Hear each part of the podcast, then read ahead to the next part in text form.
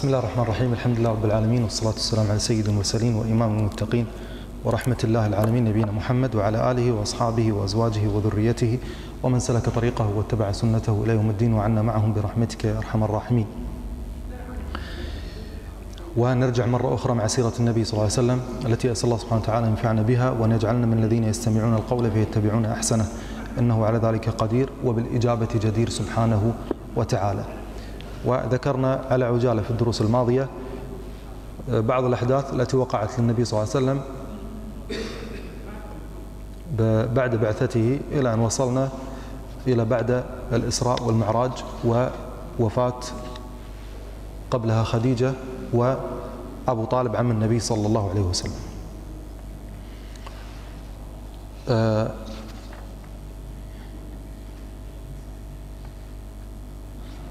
بعد ما انتهى أو انتهت قصة الإسراء والمعراج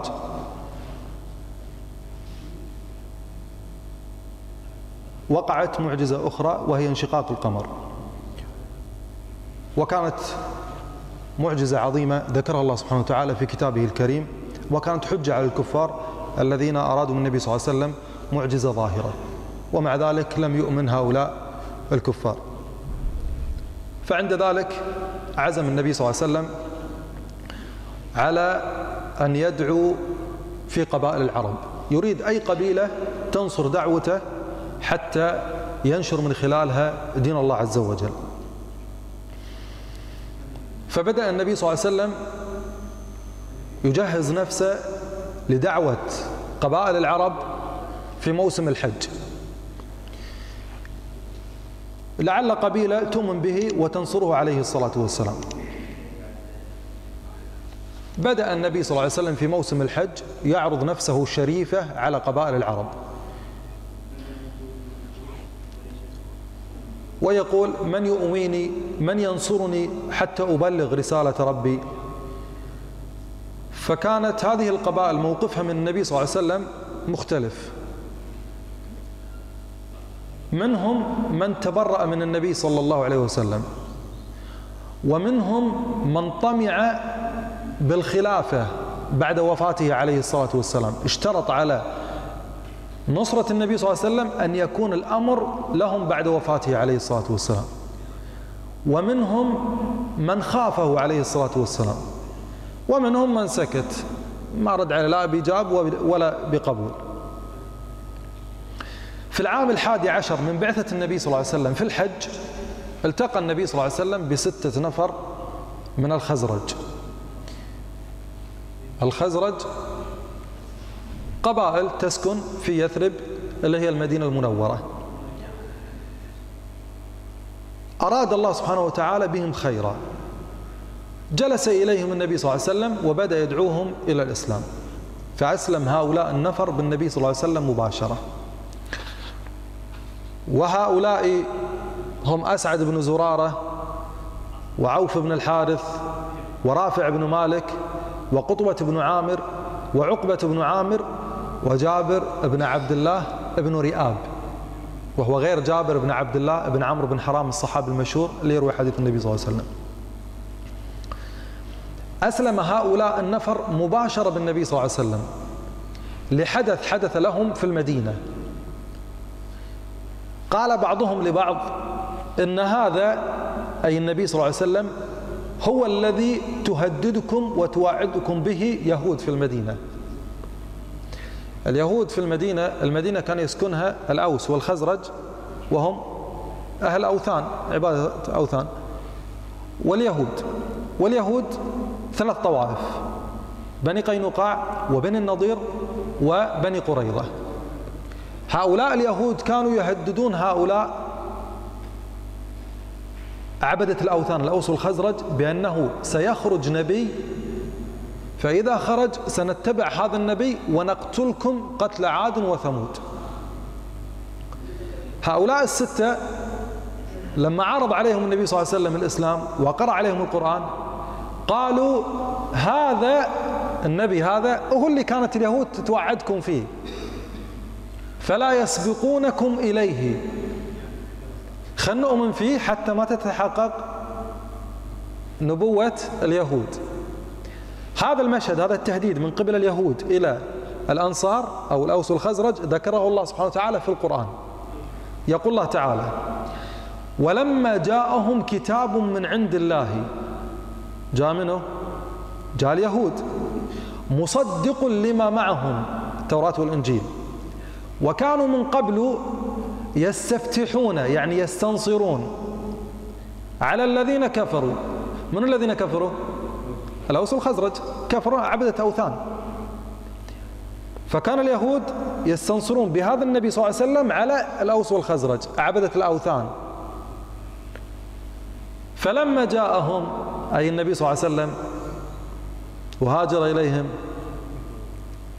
فلما جاءهم ما عرفوا به فلما جاءهم ما عرفوا كفروا به عليه الصلاة والسلام. فلعنة الله على الكافرين. فأسلم هؤلاء الستة مباشرة بالنبي صلى الله عليه وسلم. رجع هؤلاء الستة. من الأمور اللي ننبه عليها أن هذا إسلام هؤلاء الستة لم يكن عليه شيء يعني ما كان فيه بيعة بين النبي صلى الله عليه وسلم وبينهم.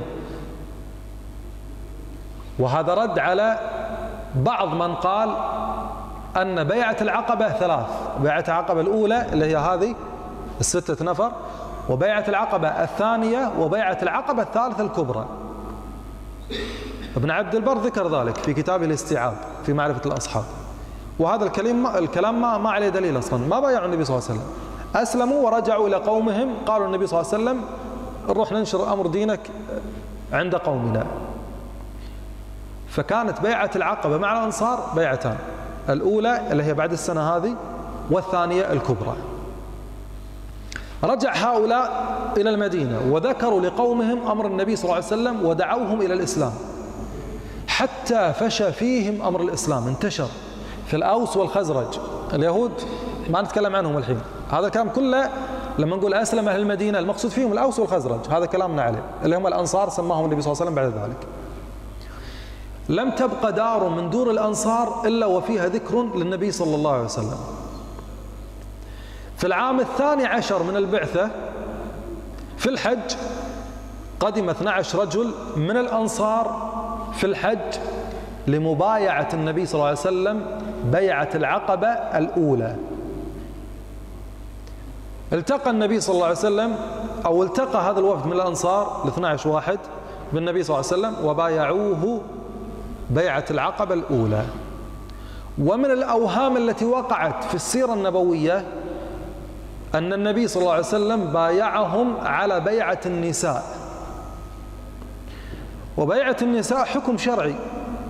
ولم يعرف هذا الحكم إلا بعد الحديبية بعد العام السادس الهجري في قصة أم كلثوم بنت عقبة ابن أبي معيط رضي الله عنها. ذكر من كتب في السيرة النبوية ابن إسحاق رحمه الله وتبعه في ذلك ابن هشام في السيرة أن النبي صلى الله عليه وسلم بايع هؤلاء الأنصار 12 نفر على أن لا يشركوا بالله شيئا ولا يسرقوا ولا يزنوا ولا يأتون ببهتان مثل ما كانت النساء تبايع النبي صلى الله عليه وسلم. وهذا من الأوهام التي وقعت في كتب السير والمغازي والعجيب أن الذي وقع في صحيح البخاري ومسلم أن النبي صلى الله عليه وسلم بايعهم بيعة العقبة الأولى على أمور. على السمع والطاعة للنبي صلى الله عليه وسلم في المنشط والمكره والعسر والعسر واليسر والنصرة للنبي صلى الله عليه وسلم إذا قدم إليهم المدينة. هذه الأحكام كلها اللي ذكروها في بيعة النساء كلها بعد ذلك في العام السادس الهجري. طيب كيف انتقل هذا الوهم في هذه البيعة؟ هذا الوهم انتقل عن طريق راوي روى القصة من عبادة بن الصامت رضي الله عنه. عبادة بن الصامت كان ممن شهد بيعة العقبة الأولى. وكان ممن شهد بيعة النساء لأهل مكة بعد فتح مكة. فلما كان يتكلم عن بيعة النساء كان يذكر سابقته في الإسلام. فيقول أنا ممن بايع النبي صلى الله عليه وسلم بيعة العقبة الأولى. ثم يذكر بيعة النساء. فواحد من الرواة اختلط على الأمر فدخل هذه البيعة ببيعة النساء. ولا لم يكن لهم ذكر النساء في هذه البيعة ولا في بنودها. فكانت بيعة العقبة الأولى على السمع والطاعة للنبي صلى الله عليه وسلم في النشاط في المنشط والمكره والعسر واليسر والنصر النبي صلى الله عليه وسلم إذا قدم إليهم المدينة. كما روى ذلك البخاري ومسلم. أما بيعة النساء فهذا كان في العام بعد صلح الحديبية ولم يكن في هذه البيعة ذكر للنساء أبدا. لما أراد هذا الوفد من الأنصار 12 واحد الرجوع إلى المدينة قالوا للنبي صلى الله عليه وسلم ابعث منا من يفقهنا في ديننا. فأرسل معهم النبي صلى الله عليه وسلم أول سفير في الإسلام. من هو؟ مصعب بن عمير رضي الله عنه. أسلم على يد مصعب بن عمير سيدة بني عبد الأشهل. سعد بن معاذ وأسيد بن حضير رضي الله عنهما. أقام مصعب بن عمير في دار أسعد بن زرارة يدعو إلى الإسلام حتى لم تبقى دار من دون الأنصار إلا ودخلها أمر الإسلام. في العام الثالث عشر من بعثة النبي صلى الله عليه وسلم وهي آخر سنة في الفترة المكية خرج 73 رجل وامرأتان من الأنصار لملاقاة النبي صلى الله عليه وسلم في موسم الحج لإبرام أعظم اتفاق في تاريخ الإسلام. وهو الاتفاق على هجرة النبي صلى الله عليه وسلم وتكوين الدولة الإسلامية. جرت اتصالات سرية بين النبي صلى الله عليه وسلم وبين هؤلاء 73 من الأنصار على أن يجتمعوا في أوسط أيام التشريق في الشعب عند العقبة. في الليلة الموعودة اجتمع النبي صلى الله عليه وسلم مع هؤلاء الثلاثة وسبعون رجل والمرأتان لإبرام بيعة العقبة الثانية بيعة العقبة الكبرى. وتم الاتفاق على التالي بنود هذه البيعة السمع والطاعة للنبي صلى الله عليه وسلم في اليسر والعسر. وحماية النبي صلى الله عليه وسلم ونصرة النبي صلى الله عليه وسلم إذا قدم عليهم المدينة كما يحمون نساءهم وأبناءهم. فقالوا للنبي صلى الله عليه وسلم وما لنا أن نحن وفينا بهذه البيعة؟ إحنا الحين راح نحميك بنسائنا وأطفالنا وكل ما نملك. شنو لنا إحنا؟ فقال النبي صلى الله عليه وسلم لكم الجنة. ما في أي شيء من أمر الدنيا. توافقون؟ فوافقوا بالإجماع. أول من بايع النبي صلى الله عليه وسلم في هذه البيعة العظيمة البراء بن معرور رضي الله عنه ثم تتابع الناس. البراء بن معرور توفي رضي الله عنه قبل هجرة النبي صلى الله عليه وسلم بشهر. وسأل عنه النبي صلى الله عليه وسلم فقالوا توفي. فصلى عليه النبي صلى الله عليه وسلم. ذهب إلى قبره وصلى عليه. من الأوهام التي وقعت في السيرة النبوية عند ابن إسحاق في السيرة وتبعه ابن هشام كذلك أن النبي صلى الله عليه وسلم بايع الأنصار على الجهاد. وهذا من أوهامهما رحمهم الله ابن إسحاق وابن هشام الذي هدب سيرة ابن إسحاق.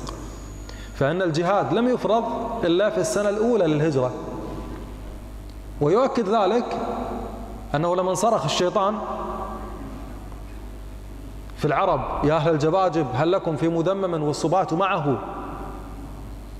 فأشهر العباس بن عبادة بن نضلة سيفه وقال يا رسول الله إن شئت لنميلن على أهل الموسم نقاتلهم فقال النبي صلى الله عليه وسلم لم نؤمر بذلك لم نؤمر بالجهاد. تشريع الجهاد ما نزل للحين ولكن اذهبوا إلى رحالكم. فهذا من الأوهام التي وقعت في هذه السيرة.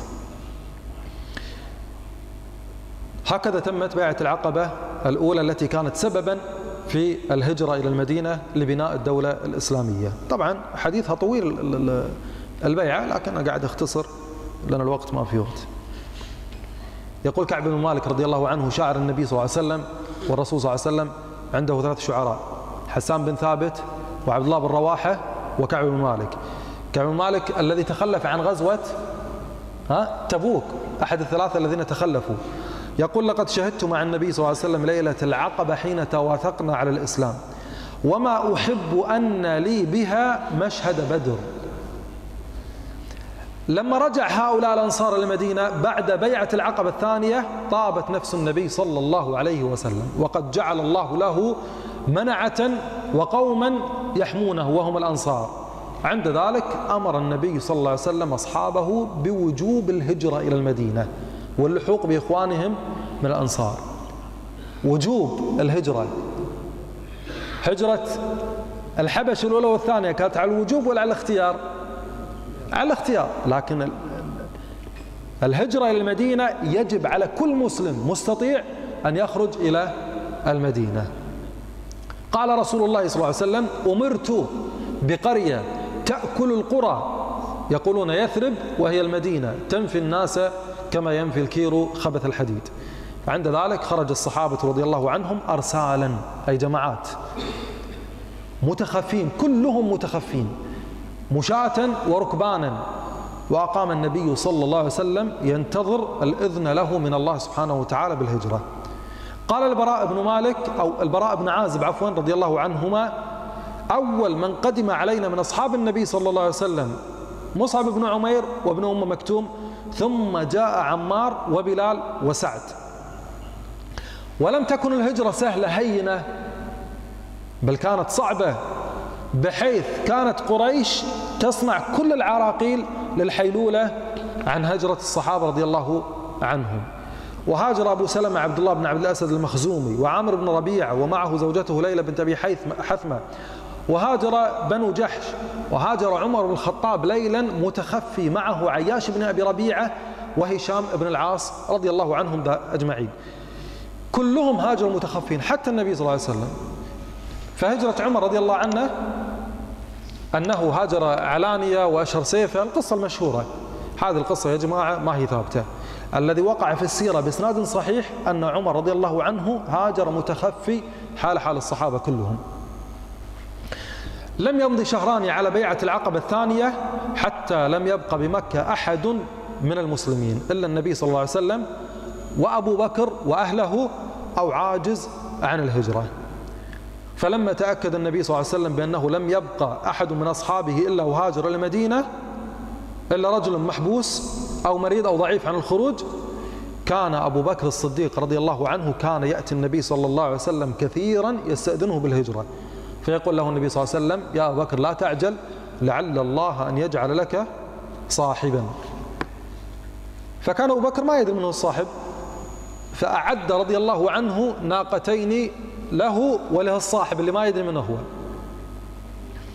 ثم جاء الإذن من الله سبحانه وتعالى لرسوله صلى الله عليه وسلم بالهجرة فأنزل الله عليه قوله تعالى وقل ربي أدخلني مدخل صدق وأخرجني مخرج صدق واجعل لي من لدنك سلطانا نصيرا.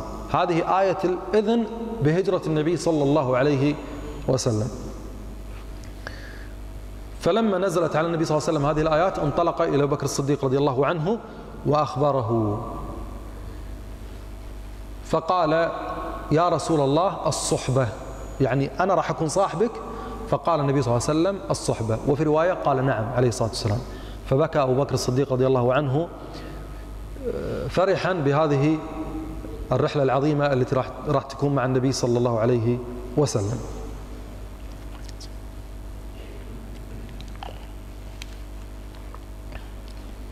اجتمع كفار قريش في دار الندوة واتفقوا على أمر جائر. وهو قتل النبي صلى الله عليه وسلم. وأعلنوا في ذلك جائزة عظيمة. مئة ناقة لمن يأتي بالنبي صلى الله عليه وسلم حي أو ميت. مئة ناقة. اليوم الناقة كم تنباع اليوم؟ بالملايين. فما بالكم بذلك الوقت؟ اللي حياتهم كلها على هالإبل. مئة ناقة لمن يأتي بالنبي صلى الله عليه وسلم وصاحبه. حمى الله سبحانه وتعالى رسوله صلى الله عليه وسلم من مؤامرة قريش وأخبره سبحانه وتعالى بهذه المؤامرة. أخبره في كتابه سبحانه وتعالى.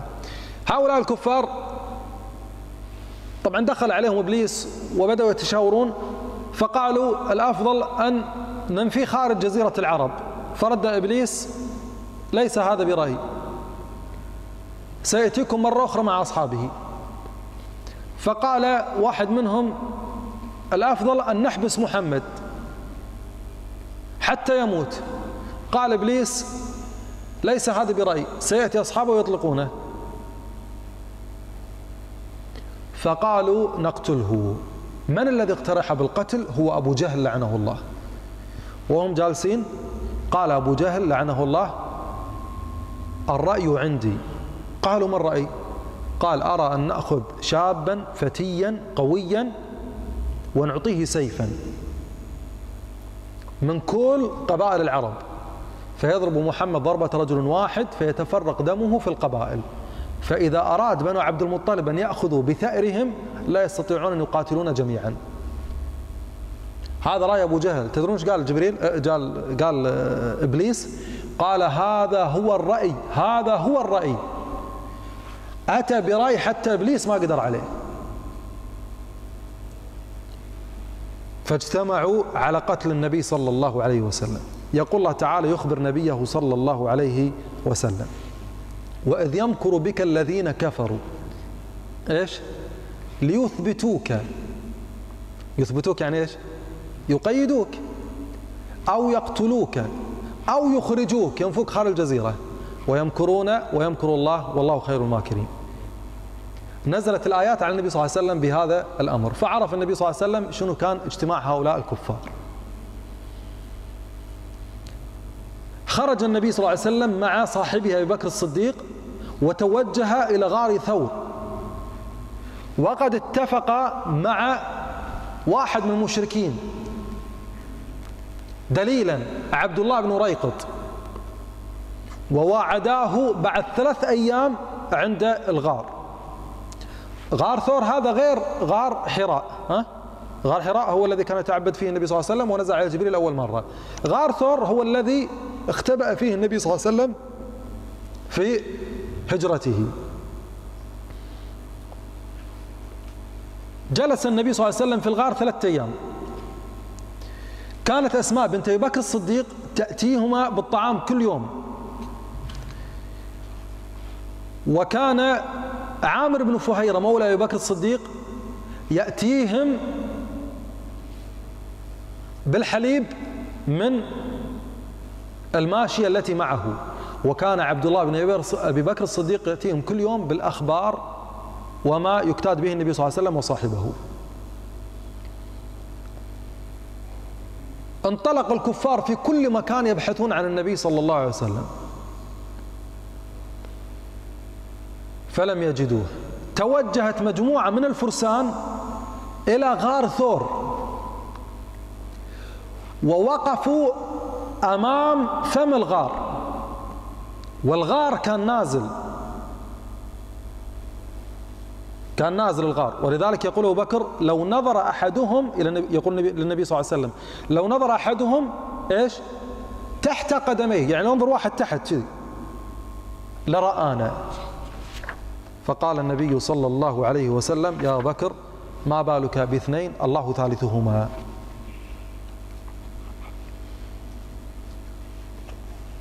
هؤلاء الكفار وقفوا عند باب الغار أمامهم يشوفونه تحتهم. وبحثوا ثم تكلموا ثم رجعوا. ما فيهم ولا واحد قال وهم يعلمون أن في غار. ما فيهم ولا واحد كلف نفسه أن ينظر داخل الغار. وهذا من حفظ الله سبحانه وتعالى لرسوله صلى الله عليه وسلم. كيف يأتون إلى الغار وما فيهم واحد ينظر؟ صرف الله سبحانه وتعالى قلوبهم عن ذلك. وهذا من حفظ الله سبحانه وتعالى لرسوله صلى الله عليه وسلم. رواية نسج العنكبوت والحمامة وبيض الحمامة أخرجها الإمام أحمد في مسنده لكنها ضعيفة. ويرد هذه الرواية القرآن. ماذا يقول الله في القرآن؟ في هذا الموطن آه الآيات بداية الآية من ذكرنا فيها. إلا تنصروه فقد نصره الله. إذ أخرجه الذين كفروا ثاني اثنين إذ هما في الغار. إذ يقول لصاحبه لا تحزن إن الله معنا. إيش بعدين؟ ها؟ فأنزل الله السكينة نزلت على أبي بكر الصديق وليست على النبي صلى الله عليه وسلم. أبو بكر كان في شدة الخوف. فنزلت على قلبه فثبته الله. النبي صلى الله عليه وسلم قلبه مطمئن عليه الصلاة والسلام. فأنزل السكينة عليه آه، آه، وأنزل آه، الآية نسيت خلينا نطلع الآية بس. ها؟ أيوة. وأيده بجنود لم تروها. هذا الشاهد. العنكبوت والحمامة. ترى بالعين ولا ما ترى؟ ها؟ ترى ولا ما ترى؟ طيب إذا قلنا كان في الله حماه بالعنكبوت والحمامة معناته يخالف القرآن. جنود لم تروها صح ولا لا؟ والله سبحانه وتعالى قادر على كل شيء. صرف قلوب هؤلاء الكفار. وقد يكون ملك نزل فستر النبي صلى الله عليه وسلم وصاحبه. مو معنى أن ما في رواية تذكر هذا الشيء معناته مو موجود قد يكون. لكن رواية نسج العنكبوت هذه لم تثبت مع أمر الحمامة. خرج رسول الله صلى الله عليه وسلم بعد ثلاث ليال من الغار وانطلق عليه الصلاة والسلام متوجها إلى المدينة. ومعهم دليلهم عبد الله بن ريقط ومعهم عامر بن فهيرة رضي الله عنه. وكان يخدمهم في الطريق. إذا كان في هجرة النبي صلى الله عليه وسلم غير أبو بكر الصديق. الدليل عبد الله بن ريقط وعبد الله بن ريقط لم تقع رواية صحيحة على أنه أسلم. وعامر بن فهيرة كانوا أربعة في طريق الهجرة.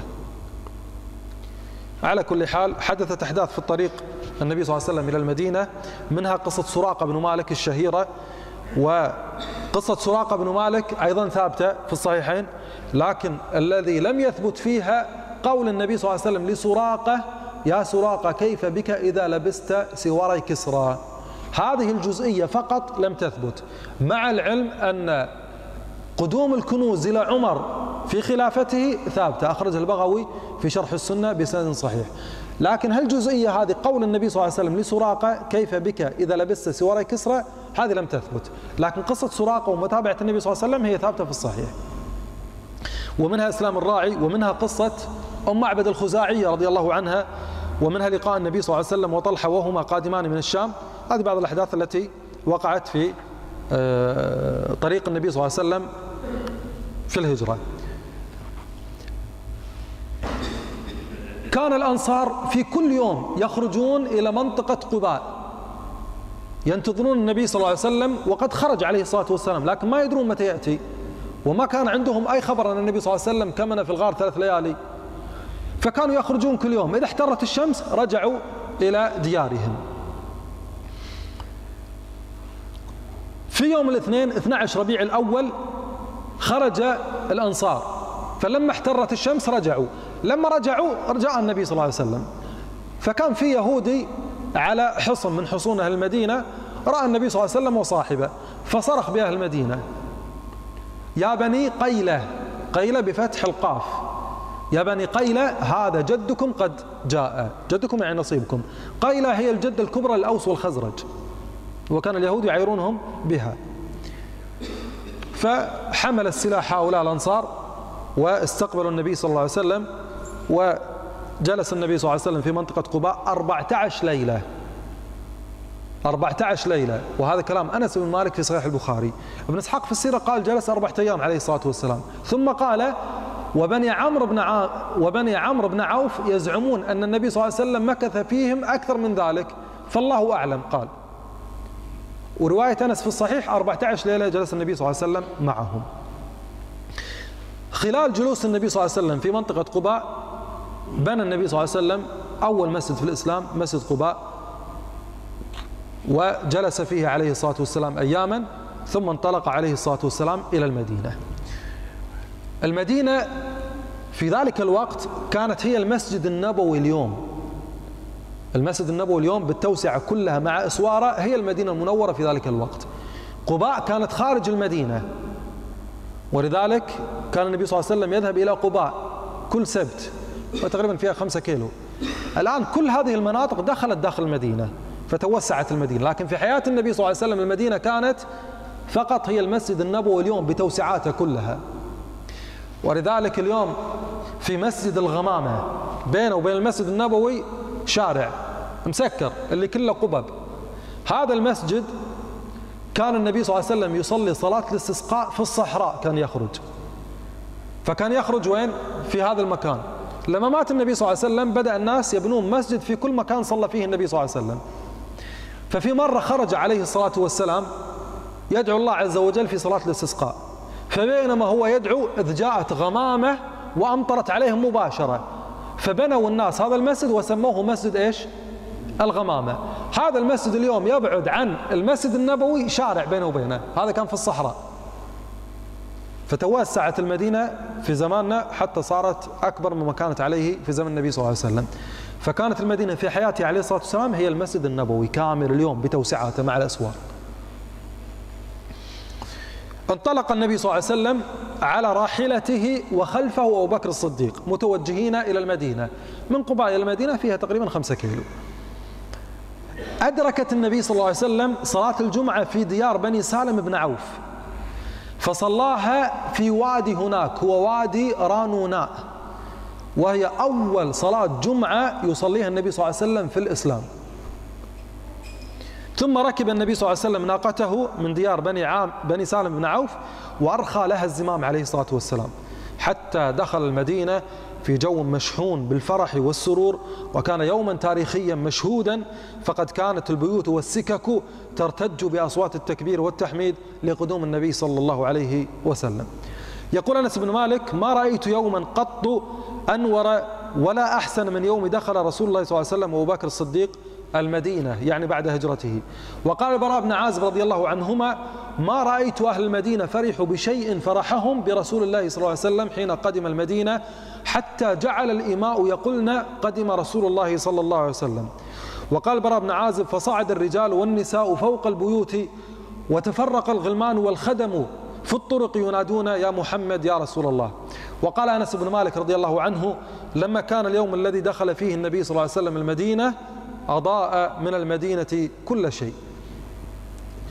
وقال أنس رضي الله عنه خرجت جوارا يضربن بالدف من بني النجار وهن يقولن نحن جوار من بني النجار يا حبذا يا حبذا محمد من جاري. طبعا أبيات طلع البدر علينا من ثنيات الوداع أيضا لم تثبت آه، بسند صحيح أنكر الحافظ بن حجر في فتح الباري وابن القيم في زاد المعاد والحافظ العراقي كذلك في تخريجه على إحياء علوم الدين.